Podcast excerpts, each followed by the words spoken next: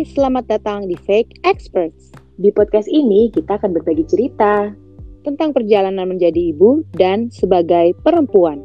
Karena di setiap cerita pasti ada pelajaran hidup. Gue Tanti dan gue Medina. Selamat mendengarkan.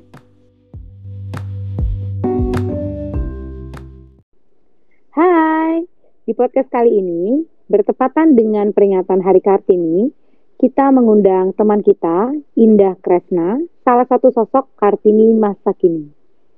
Saat ini, Indah bekerja di salah satu perusahaan yang bergerak di bidang logistik. Seorang entrepreneur di bidang usaha soft goods, thinking out loud, dan yang tidak kalah penting, dia juga seorang ibu untuk anak perempuannya. Hai Indah!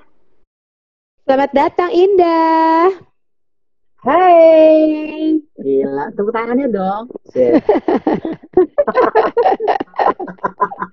Apa kabarnya Bu Indah? Alhamdulillah baik. Ibu Tanti gimana sama Bu Medina? Alhamdulillah kita baik juga. Mewakili menjawab atas ya. Medina. nah, jadi kan podcast kita Hmm. ini itu membahas apa ya kayak candid conversation lah ya tentang womanhood kayak um, peran kita sebagai ibu, career woman dan lain sebagainya. All those multitasking peran lah sebagai perempuan ya. Hmm. Dan menurut kita itu you are one of the inspiring woman. Woman, Yeah. ya. Masa sih? Enggak lah.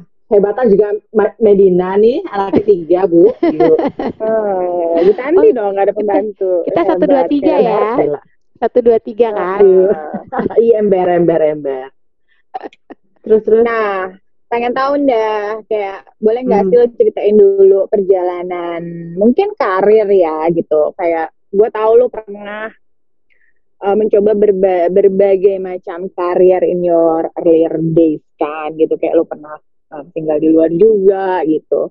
Boleh nggak sih lo ceritain dulu sebenarnya perjalanan karir lo itu dari waktu lo muda up to now itu eh gimana sih ceritanya?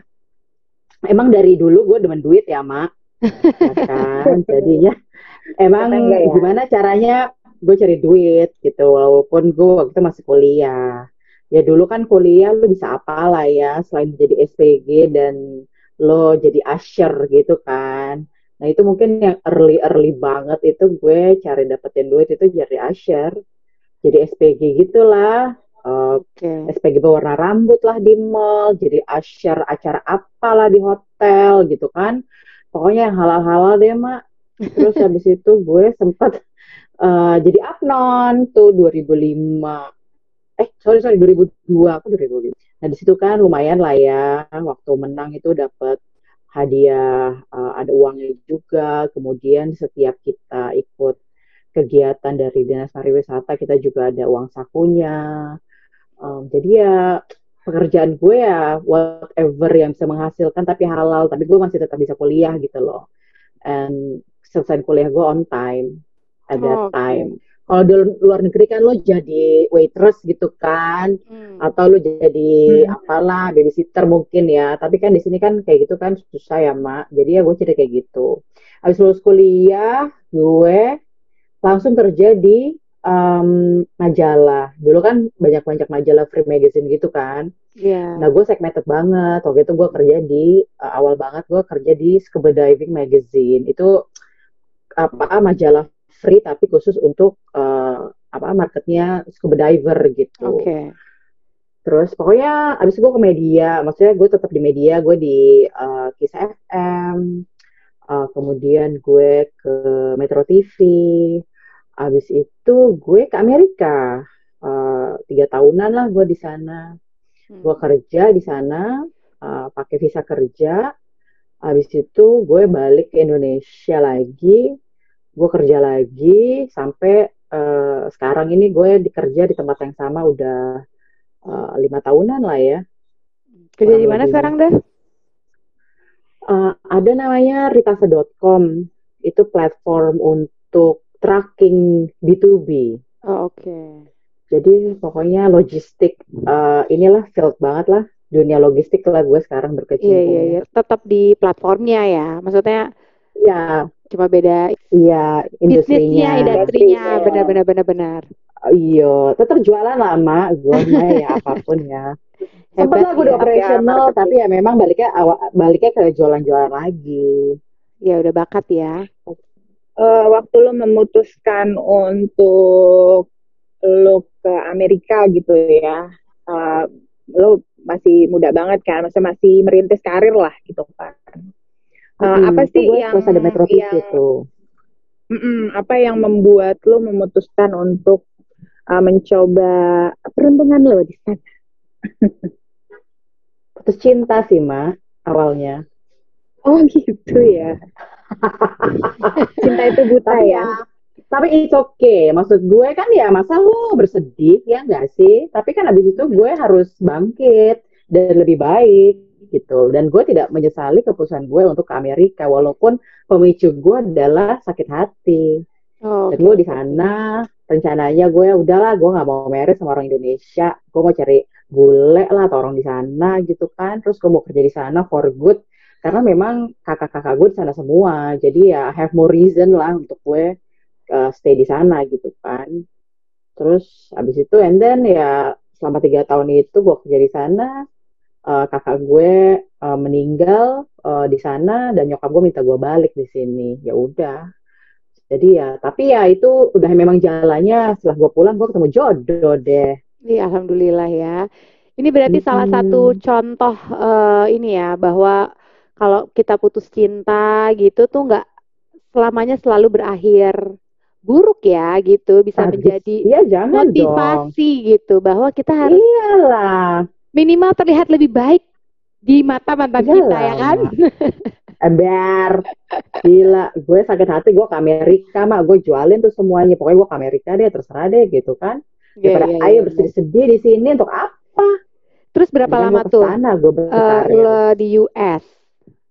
Gue tiga tahun di sana. Oke, tiga Kurang lebih tiga tahun. Lumayan lah ya. Gue dapet, iya, gue pakai visa kerja, gue dapat sponsorship dari sana, dari tempat kantor gue kerja. Eh, tapi ya itu, memang takdir gue memang harus kembali ke Indonesia. Tapi itu oke Iya. lah, tiga tahun itu suatu pengalaman yang sangat amat berharga lah bagi gue gitu. Meningkatkan value gue juga dalam Iya. dunia pekerjaan. Iya, iya, iya. Struggling apa yang lo dapat? Maksudnya yang lo rasakan ketika pindah ke US, kayak gitu-gitu, bekerja di sana, kayak gitu. Eh, ada kayak struggling-struggling apa gitu yang akhirnya lo membuat indah yang sekarang nih gitu. Struggling di US ya, karena di sana kan gue, walaupun kakak-kakak gue di sana, tapi kan di sana kan lebih kepada lulu gue gue ya. Iya, maksudnya selama-lamanya gue bisa nebeng sama kakak gue nggak mungkin juga dengan hidupin gue kan gitu kan karena semua juga masih meniti karir gitu di sana iya, iya. jadi ya I have to live my life sendiri lah gimana caranya gue bisa bikin uang untuk ngidupin gue sendiri setidaknya gitu. Di sana gue kerja awalnya itu memang gue disponsorin gue kerja buat salah satu telco di Amerika. Gue itu kerja door to door man. Oke, gue literally door to door knocking on people's doors, strangers doors untuk nawarin produk telco ini gitu loh. Gue kerja di AT&T waktu itu. oke. Terus eh, pokoknya akhirnya gue jadi lo sorry gue jadi manajer lah di sana. Tapi ya em, quite challenging lah. Gue hampir mati kali ya. Bisa aja gue lagi jalan tiba-tiba dengar suara tembakan atau gue tiba-tiba gue eh, itulah ada cowok-cowok itulah apa iseng-iseng gitu kan gue takut juga ya mak ya Iya, iya, iya, ada iya. gini gitu kan Em, gue juga kayak Asian yang di sana yang gue juga emang sih gue bisa bahasa Inggris eh, it's not a problem untuk ngomong bahasa Inggris sana. Tapi kan tetap aja gue tuh orang asing dan gue juga memang bener-bener baru banget tinggal di sana. It's not like gue sekolah di sana terus gue lanjutin kerja. Gue bener-bener datang sana tuh gue kerja gitu loh. Iya, jadi iya, nggak iya, ada iya. pro- proses untuk gue adaptasi. Oh dari gue kuliah gue punya teman kuliah enggak. Ya memang gue punya keluarga di sana cuman ya itu tadi gue bilang semuanya udah lolo gue gue lah gitu Iya, iya, iya. tapi ya thank God gue balik gue bawa pengalaman itu meningkatkan value gue sampai gue punya karir seperti ini sekarang gitu sih Oke. Tapi apa tuh yang um, maksudnya indah ya, indah yang gue tahu nih ya kan indah tuh kayak sosok uh, perempuan yang kayak independen gitu kan, terus kayaknya kece, karirnya bagus kayak gitu-gitu ya. Apa yang akhirnya membuat lo tuh yakin nih lo mau nikah? Jadi gue nikahnya 2014, gue pacaran kurang lebih dua tahunan lah ya. 2015 akhir Oktober gue nikah. Ya nggak lama juga karena memang ya emang jodohnya ya gue pokoknya gue udah bersumpah gue tidak akan married sama orang Indonesia lah karena gara-gara sakit hatinya gue itu kan eh gue ketemu orang Indonesia bener ya kan? Memang kita memang manusia bisa merencanakan tapi yang menentukan Tuhan ya. Iya betul sekali lah ya. sama suami gue. Kayaknya waktu itu dia memang dari awal udah ngomong sama gue gue cari istri? Terus saat itu gue juga ya udahlah gue juga pengen cari suami gitu kan. Cuman gue sempat aduh nih orang Indonesia lagi gitu kan. Aduh gimana dong? Ntar kayak waktu itu lagi lagi. Cuma setelah gue kenal keluarganya uh, kayaknya cocok nih gitu keluarganya. Ya gue kan orangnya kan free spirit banget kan orangnya kan. Um, tapi ya suami gue terlihat serius dan ya memang udah jodoh aja gitu loh. Nyokap gue kayaknya happy lah gue ketemu orang Indo. Harus gue keluarganya juga uh, baik sama gue jadi ya udahlah jalanin sekarang Alhamdulillah ya. Tapi bukan karena sih, kayak pressure pressure. Lo nikah umur berapa dah waktu itu dah? 30 lah ya. 30 31 lah ya. Gak pressure sih. I mean, cuman gue emang pengen nikah. I want to have I want to build a family gitu kan gue pengen ada orang yang pengen uh, apa bersanding sama gue sampai entar sampai gue mati lah sampai tua nah, kayaknya dia bisa memberikan gue itu pada saat itu. Ya sampai sekarang sih alhamdulillah. Ya cukup meyakinkan lah pada saat itu. Dan memang kayaknya gue mencari seseorang tuh yang lebih alfa dibandingin gue karena kan as you know lah gue alfa bener gitu yeah. kan. Jadi kalau cowoknya juga di bawah gue gue juga ilfeel. Ya walaupun itu kita kita benar-benar datang dari dunia yang berbeda. Iya.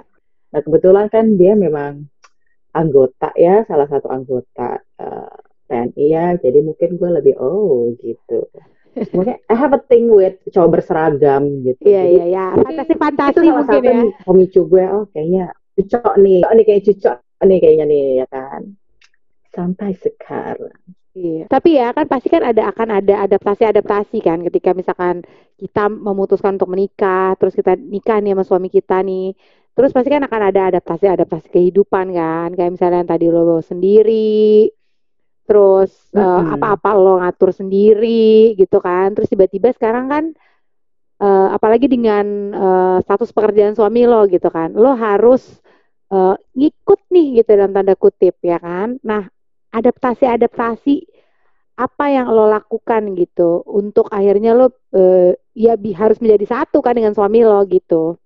Ya I mean gue sama suami gue kita masing-masing punya role masing-masing. Hmm. memang sih uh, apa secara financially kita berdua tapi yang mengatur ini buat ke mana-kemana ke mana kebanyakan tuh gue. Nah di situ kan gue juga uh, apa uh, jiwa pengatur gue kan tetap tersalurkan kan di situ kan which is uh, kalau mungkin kalau gue nggak kerja mungkin adaptasi gue akan jauh lebih sulit kali ya. Karena yang tadinya gue punya penghasilan sendiri terus um, apa namanya uh, ada rasa dibutuhkannya itu oleh pekerjaan itu masih tetap ada. Kan kalau gue nggak kerja kan kayaknya hal-hal itu kan bisa hilang dari hidup gue yang mungkin iya. berat gitu loh walaupun suami gue sebenarnya ya lo mau kerja silahkan. Nggak kerja juga nggak apa-apa. Gue bisa ngidupin lo cuman ya gue memilih untuk bekerja dan alhamdulillah gue masih dikasih rezeki untuk uh, bekerja gitu loh sampai sekarang. Ya, ya, ya. itu sih sebenarnya. Nah dah gue tertarik ini nih. Tadi kan lo menikah um, teman-teman lo kebanyakan udah menikah gitu ya nggak sih? Iya sih tapi kan gue di Amerika banyak um, yang belum nikah. Jadi gue biasa aja. Justru mereka yang lo ngapain nikah sekarang? gitu. Lo kan masih hmm. tiga puluh gitu. Iya ya, iya iya iya. beda pandangan lah ya lo ngapain nikah? Gila lo lu senang-senang aja dulu bla bla bla pacaran aja dating atau apa gitu. Kadang-kadang mereka malah Nah. ngomongin relationship dating dating aja. Di sini sedangkan 30 udah mah gila gue 30 belum kewong gitu. Jadi gue mengikuti. Ya balance aja sih. Ya kalau gue ada jodoh ya gue kewong kalau enggak gue enggak gitu kan. Iya iya iya. Bedanya apa sih Dah dating in late atau in early 30s, in late 20s compare to waktu lo dating lebih muda apa kalau kayak eh, apa namanya? benar-benar kayak udah mulai harus cari yang serius atau apa bedanya menurut lo? Ada perbedaan signifikan gak sih? mungkin waktu muda terlalu banyak hal-hal kecil yang jadi drama ya ya nggak sih ya you know juga lah mungkin kalau udah mature udah udah lebih ngerti lah ya Hmm, mature financially kan juga salah satu pemicu kita juga lebih nggak emosian ya sih? Mungkin waktu kecil kita juga dulu apa-apa mikirin sekolah lah ya beda-beda pressure lah.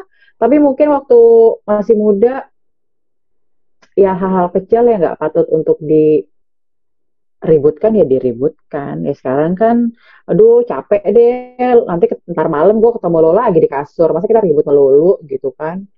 Dulu kita bisa pacaran vakum. Masa gue sama suami gue vakum? Lebih realistis ya. vakum cleaner. Misalnya vakum ah, cleaner ya, aduh, bisa vakum cleaner sekarang. sekarang ngapain vakum pacaran? Iya, iya. kita vakum dulu deh. Aku tuh lagi nggak mau ngomong sama kamu gitu kan sekarang kita paling ya ntar malam ya ketemu lo gimana kok mau vakum sekarang lebih mature lah lebih mikirin apa yang perlu dipikirin prioritinya beda apalagi kalau udah punya anak Nah, bener tuh ya. ya Ada nggak Iya, em, iya. adaptasi lagi nih gue pertanyaan gue. Ya ketika itu pasti kan dari belum punya anak, terus lo jadi punya anak gitu kan. Pasti juga prioritas lo bergeser dong. Tadinya hanya memikirkan hanya lo dan suami lo aja. Sekarang lo juga harus memikirkan ada anggota kecil lainnya nih di keluarga kita yang harus kita pikirin gitu kan. Semua-semua pasti perhatian ke dia gitu. Terus hubungan lo suami istri nih gimana? Apakah misalkan kan ada kadang eh, kayak pasangan-pasangan yang istrinya fokus banget sama eh, anaknya, suaminya nggak dipikirin nih, nggak diurusin gitu. Atau gimana nih cara lo balance-nya dan segala macam supaya eh, semua tetap menjadi prioritas gitu dan tidak melupakan bahwa seorang ibu nih si Indah ini juga butuh eh, menjaga mental health ya yang bagus gitu. Hmm, oke. Ya pasti prioritas anak gue. Sebenarnya prioritas gue tuh ada nyokap gue juga. Karena kan nyokap gue udah nggak ada suaminya, nggak ada nggak ada bokap gue. Nah, Jadi ditambah nyokap nih. gue udah umurnya, oh, ah, tanggung jawab gue lah ya. Kakak-kakak gue nggak ada di sini semuanya, semuanya di Amerika. Kemudian nyokap gue udah umurnya udah 75 tahunan. Jadi gimana caranya mereka itu nyaman dan aman gitu kan? Ya memang sih gue, alhamdulillah gue butuh bantuan mbak dan ada yang bisa gue percaya. Dan nyokap walaupun sudah uh, berumur, cuman masih punya akal sehat gitu loh. Jadi masih bisa melakukan sesuatu hal sendiri, banyak hal sendiri. Walaupun uh, apa sudah tidak selancar dulu karena memang uh, dari usia juga kan sudah tu- udah tua. Tapi kan alhamdulillah suami juga uh, uh, mengerti. Gue kan di Jakarta tinggal masih sama nyokap Hmm. ya memang di sini nemenin nyokap gitu loh. Jadi everything is under one roof. Ya anak gue di sini nyokap gue di sini ya suami gue di sini kalau kita lagi di sini. Kalau lagi di Jakarta maksud gue. Hmm. jadi yang penting yang prioritas mana nih yang eh, yang nggak bisa di take care apa mandiri yang harus gue take care dulu. Yang pasti ya anak gue dan nyokap gue. Make sure mereka aman gitu loh sehat Kemudian ya pasti gue mikirin suami gue, tapi kan suami gue juga di sini dia lebih mandiri lah karena memang eh, dia juga banyak eh, traveling kan untuk dinas dari pekerjaannya. Iya. Tapi ya kita komunikasi ya komunikasi tetap lah gitu loh. Ya mungkin salah satu eh, cara gue untuk keep my mind sane itu adalah ya bekerja gitu loh. Hmm. Kayak I have my own world yang uh, yang di sini adalah lo nggak bisa ngetouch gitu. Maksudnya everybody is okay dengan dunia gue ini. Yang uh, gue kerja ya, mama kerja ya gitu. Uh, Indah kerja ya ma, ya everybody ngerti nggak apa-apa gitu. Gue kerja. Nah itu yang membuat gue uh, apa sane lah gitu loh. Walaupun misalkan emang sih gue punya teman, gue masih uh, kita apa kita punya WhatsApp grup lah dengan sama Mehmet gue punya kayak dengan teman-teman lab school ya. dengan teman uh, teman lain yang lain ya kita ngobrol-ngobrol di situ. Cuman ya lo pengen sama keluarga ya tetap prioritas adalah keluarga lo ya. Kadang-kadang kita cuma ngobrol-ngobrol hal-hal yang diobrolin ya membuat kita juga oh iya gue punya teman tapi ya semuanya kembali ke keluarga lagi kan. Ya memang kadang-kadang kita meluangkan waktu sedikit cuman ya menjadi kualitas aja sih nggak harus jadi kuantitas bersama teman-teman kita itu. Gitu. Iya benar. gue kan tahu nih sekarang lo tinggal itu uh, antara dua pulau Jakarta dan dua pulau tiga kota. Wow. Oh tiga kota ya? Ya dong.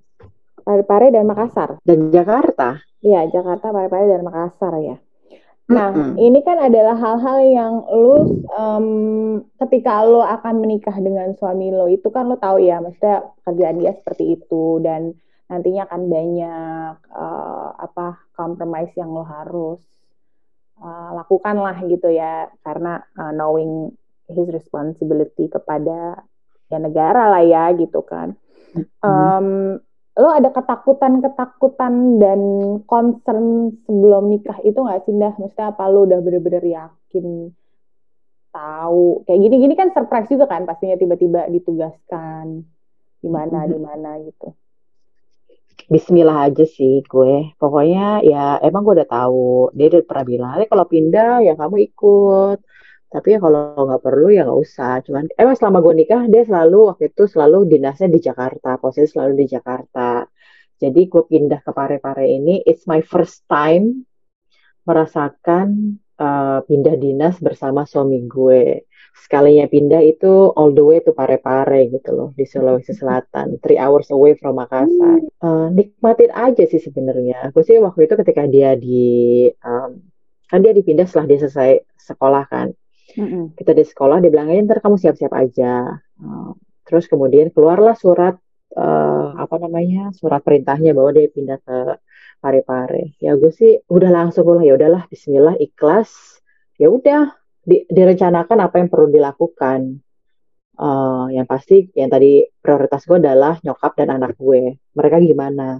Mereka ikut atau tidak? Dan eh, untuk yang kita ketika kita pikirkan yang terbaik adalah mereka ikut kita. Jadi we don't leave anybody behind gitu loh. Nggak ada yang tinggal gue tinggalin Jakarta Hmm. apalagi di masa pandemi kayak gini kan mereka mau ke mana juga sih gitu kan nyokap juga mau ke mana juga sih jadi ya gue bawa deh itu semua ya itulah sekarang hidup gue um, yang pasti waktu gue pertama kali gue dapet berita itu ya gue langsung ya udahlah Bismillah ikhlas kalau ini yang terbaik untuk suami gue karena kan at the end suami gue nanti yang jadi imam gue kan untuk semuanya gitu loh. Jadi gue ngikuti aja ke mana. Dan memang pada saat itu eh pada saat ini ya suami gue kan menjabati posisi di mana dia mempunyai anak buah anggota dan mempunyai istri-istrinya di mana istri-istrinya gue yang menaungi gitu loh. Dan gue mempunyai Hmm. kewajiban untuk uh, berada uh, di antara mereka Ya, going into that mindsetnya, maksudnya lo kan sekarang punya mindset bahwa em, ya istilahnya untuk mungkin perempuan zaman sekarang yang punya karir bagus lo dan ya have been so independent for so long gitu kan dah gitu. Kayak nggak semua perempuan itu ya kita juga pasti perempuan punya ambisi dan ego kan gitu. Nggak semua itu bisa ikhlas. Ya kayak lo kan tadi bilang bahwa dia at the end of the day dia adalah imam gue dan harus lo harus mensupport dia lah ya jadi support sistemnya dia gitu kan. Without giving up semua yang lo suka juga lakukan nah mindset lo itu langsung tertanam kayak gitu sejak lo nikah atau setelah nikah ada penyesuaian dulu sih sampai lo bisa membentuk ya gue harus ikhlas kayak gini gitu. Dari awal nikah sih sebenarnya dia udah ngasih tahu. Hmm. Uh, sebuah waktu pacaran juga udah ngasih tahu kan uh, adiknya dia juga dan uh, mertua gue juga ini kan uh, apa uh, TNI juga kan.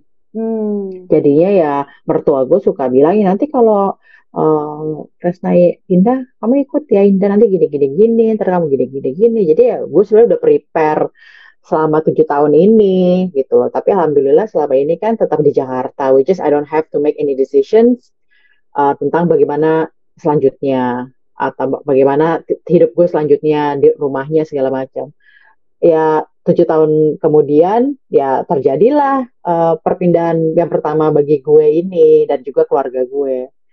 Tapi ya dijalani ternyata is such a blessing gitu loh. Ya you never know lah maksudnya. Terus gue bisa apa? Kalau memang mindset gue bilang ah gue nggak mau ikut suami gue apakah itu akan menguntungkan gue atau akan merugikan gue? Apakah itu akan membuat gue dan suami gue dekat atau jauh gitu loh ya pasti gue harus bersama suami gue gitu pemikiran gue udah seperti itu bagaimana caranya gue tetap bersama suami gue tapi gue juga bisa bekerja bisa um, make my own money tapi gue tetap bisa uh, apa bersanding dengan suami gue dengan tugasnya gitu. Tapi ya makanya it's a blessing lah gue dengan segala yang gue lakukan. My work actually supportive tentang apa yang gue jalanin um, dan juga uh, keluarga gue gitu loh. Mereka semua ikut, nyokap gue ikut dan membuat gue jadi less worry gitu loh tanpa meninggalkan mereka semua. Karena semuanya jadi gue nya ikhlas dan disertai dengan support system gue. Jadi ya everything works well Hmm. Ya, yeah, which is such a blessing bagi gue. Iya, iya benar. Dan lo memang bukan tipe orang yang terlalu sebenarnya lo um, lebih kayak apa ya uh, move move forward aja gitu ya Nda ya mungkin ya bukan yang terlalu iya. kayak dwelling kayak aduh ntar gue gimana di sana bla bla bla kan ada juga orang yang hmm. seperti itu gitu kan tapi lo mungkin lebih kayak ya udah what next to do kayak gitu gitunya ya yang iya. pikirin iya Iya, terus emang kalau gue mau bersedih, mau menangis, terus apa? Iya, Tetap iya. gue harus ikut. Dan emang gue mau ikut, jadi bukan suatu paksaan juga. Nggak lo jadikan beban lah ya itu ya. Enggak, karena kalau jadi beban juga akhirnya rugi di gue. Gue yeah. jadi nggak happy, gue stres. Itu apa? Sedangkan dengan ikhlasnya gue ketika gue pindah ke Pare-Pare, it's something yang gue pikir gue nggak apa it's something that I I didn't know that I needed gitu loh tinggal di suatu daerah hmm. kecil uh, with the different people it's a different world gitu loh dengan selama ini yang gue pernah tinggal ya gue tinggal di Jakarta lah ya. Hmm. gue tinggal di Amerika ya. Gue nggak pernah tinggal di daerah uh, gue ke Sulawesi aja baru kemarin maksudnya ke Makassar gitu loh. Yeah. ke Manado gue pernah 2002 waktu itu gue upnon itu all tuh udah lama banget lah ya. Mm-hmm. terus tiba-tiba gue ke Makassar eh pare-pare gue tinggal di sana gitu. Dan gue actually met you mm. actually help me loh dengan keputusan gue untuk ikhlas. Dengan perkataan pak iya I don't know you remember ya you told me that enak tau dah tinggal di daerah gue dulu tinggal di Bangka and I had a very happy childhood Ah iya iya iya, gue bilang si Amelin pasti senang. Iya iya iya iya, gue bilang si Amelin pasti senang banget kayak outdoor dan segala macem kan karena emang yes. dia udah gak ada sekarang. Dan itu bener, bener banget, 100% bener banget gitu loh. Alhamdulillah di sana kita punya rumah dinas. Uh, it's a small uh, house tapi ya apa area apa karangannya lumayan. Uh, jadi kita ya anak gue yang tadinya selalu dalam di rumah ya rumah Jakarta gue juga we don't have a huge backyard kan gitu loh di sini gitu loh. It's limited lah di sini lah. Kalau gue mau pergi gue ke mall. Iya. Yeah. Di sana gue ya gue ke laut, gue ke pantai, gue di perkarangan rumah gue I cook more. I talk more to people yang gue gak pernah ngobrol sebelumnya. Apa? You know lah how people uh, that like to travel gitu loh.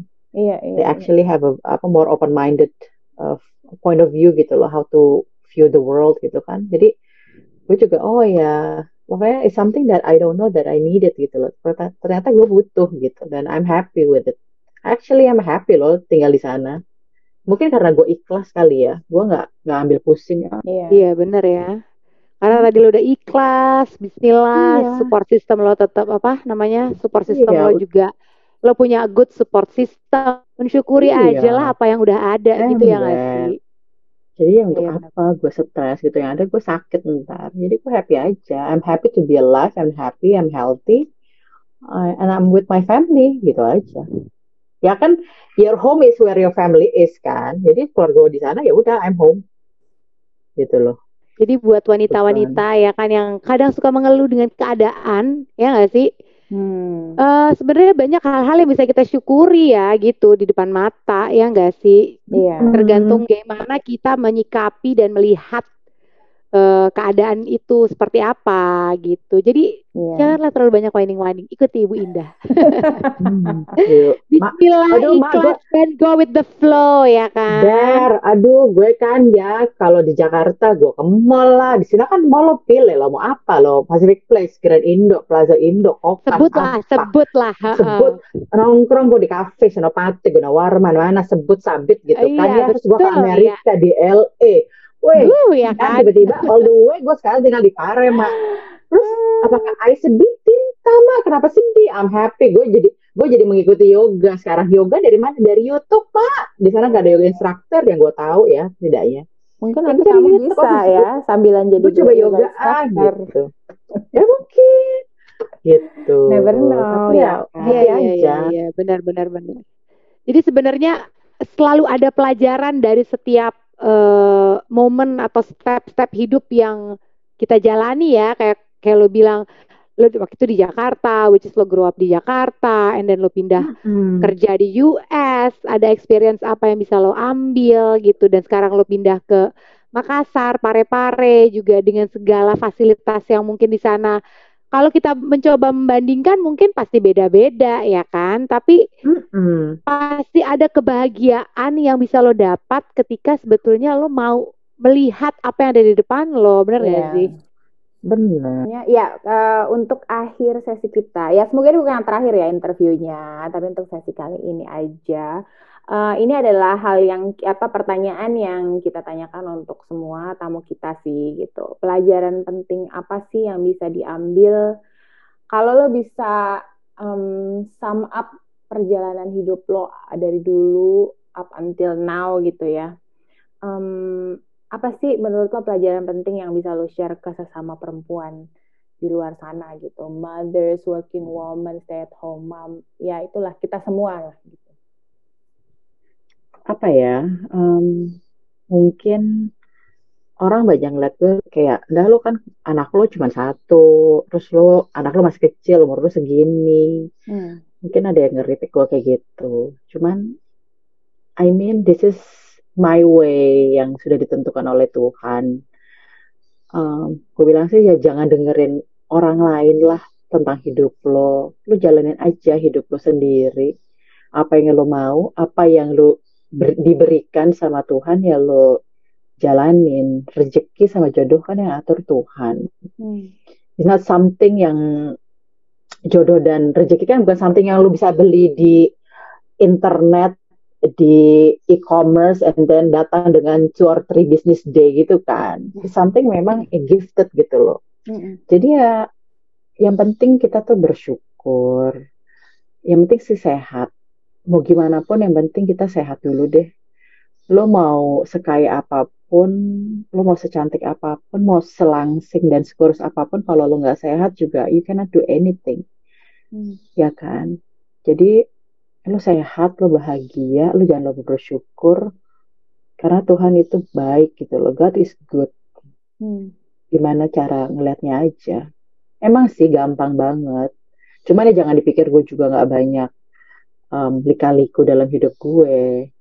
Pasti banyak. Cuman ya at the end of the day I'm still standing here stronger than before. Jadi banyak-banyak bersyukur dan live in the moment aja ya gitu. Iya.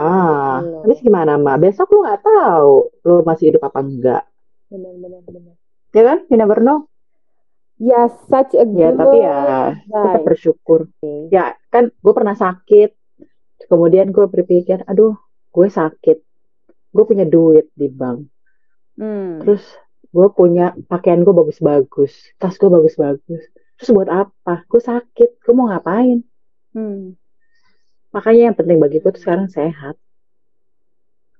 Sehat dan bahagia gitu Iya. loh. lu pernah Masa? sakit secara fisik ya Nda ya? Ini just to Ya, secara fisik gue sakit.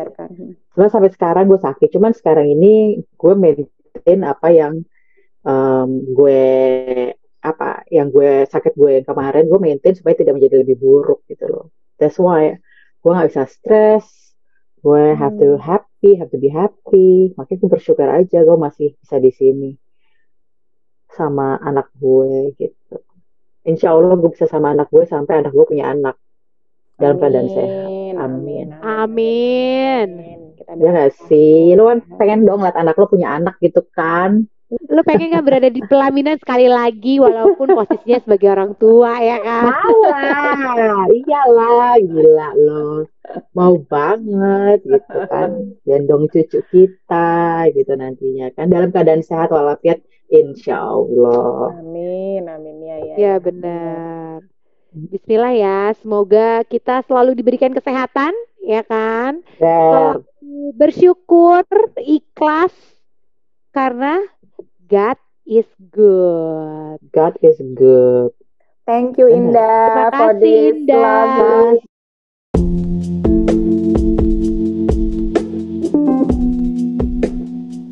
Please subscribe our podcast Fake Experts And follow our Instagram at fake.experts.